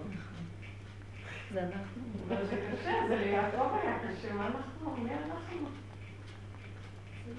תבינו שזה כבר מתגלה לנו פה מה- מהי התוכנית של עץ הדעת, טוב, שהם הלכו לכיוון של הצדקות ונבהלו מסיפור כזה. ועכשיו, מאחורי כל הדבר הזה, שימו לב, אם אנחנו מנתחים בנקודת האמת את העניין של התיקון של עץ הדת, רואים את השקר. מה התלבש עליהם? הרציחה והכעס והכבוד והגאווה. שכזה, ככה יעשו לאחותינו, יהרגו את כל אנשי שכם. ככה נולדה כזה דבר, הורגים אותה. ככה זה, שימו לב, כן, הכל כן, בשם כן, כביכול. התורה. וזה זה עץ הדת. זה מתגלה עץ הדת, ככה אנחנו, זה עץ הדת, וזה איך שאנחנו, אחרי עץ הדת, תמיד מניפול, מניפולטורים. ואפילו יעקב אבינו מתגלה בנקודה שגם פועל עלינו עץ הדת מאוד חזק. איך אפשר? והנקודה הזאת, לקראת הסוף, דבר אחד, על כולנו היא פועלת עץ הדת, זה מאוד קשה, אבל לפחות נכיר אותה. פה הם נכסים ולא מכירים. ויעקב אבינו עוד הכיר, אבל אנחנו צריכים, כי הוא היה איש אמת, הוא חיפש את, נכון שנתן לכיוון במעשיות הצדקותי, אבל באמת הוא הכיר את הנקודה שלו. ועשה עליה תשובה. זאת אומרת, למה הוא, למה הוא אה, לא מסר אותה את דינה ליעקב?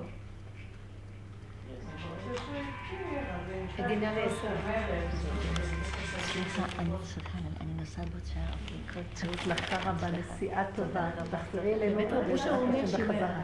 אם יעקב, אושר אומר את זה. את, אה, סליחה, סליחה, את רואה את גברת שישה? את רואה את גברת שישה בלונדון? אה, אני שכחתי.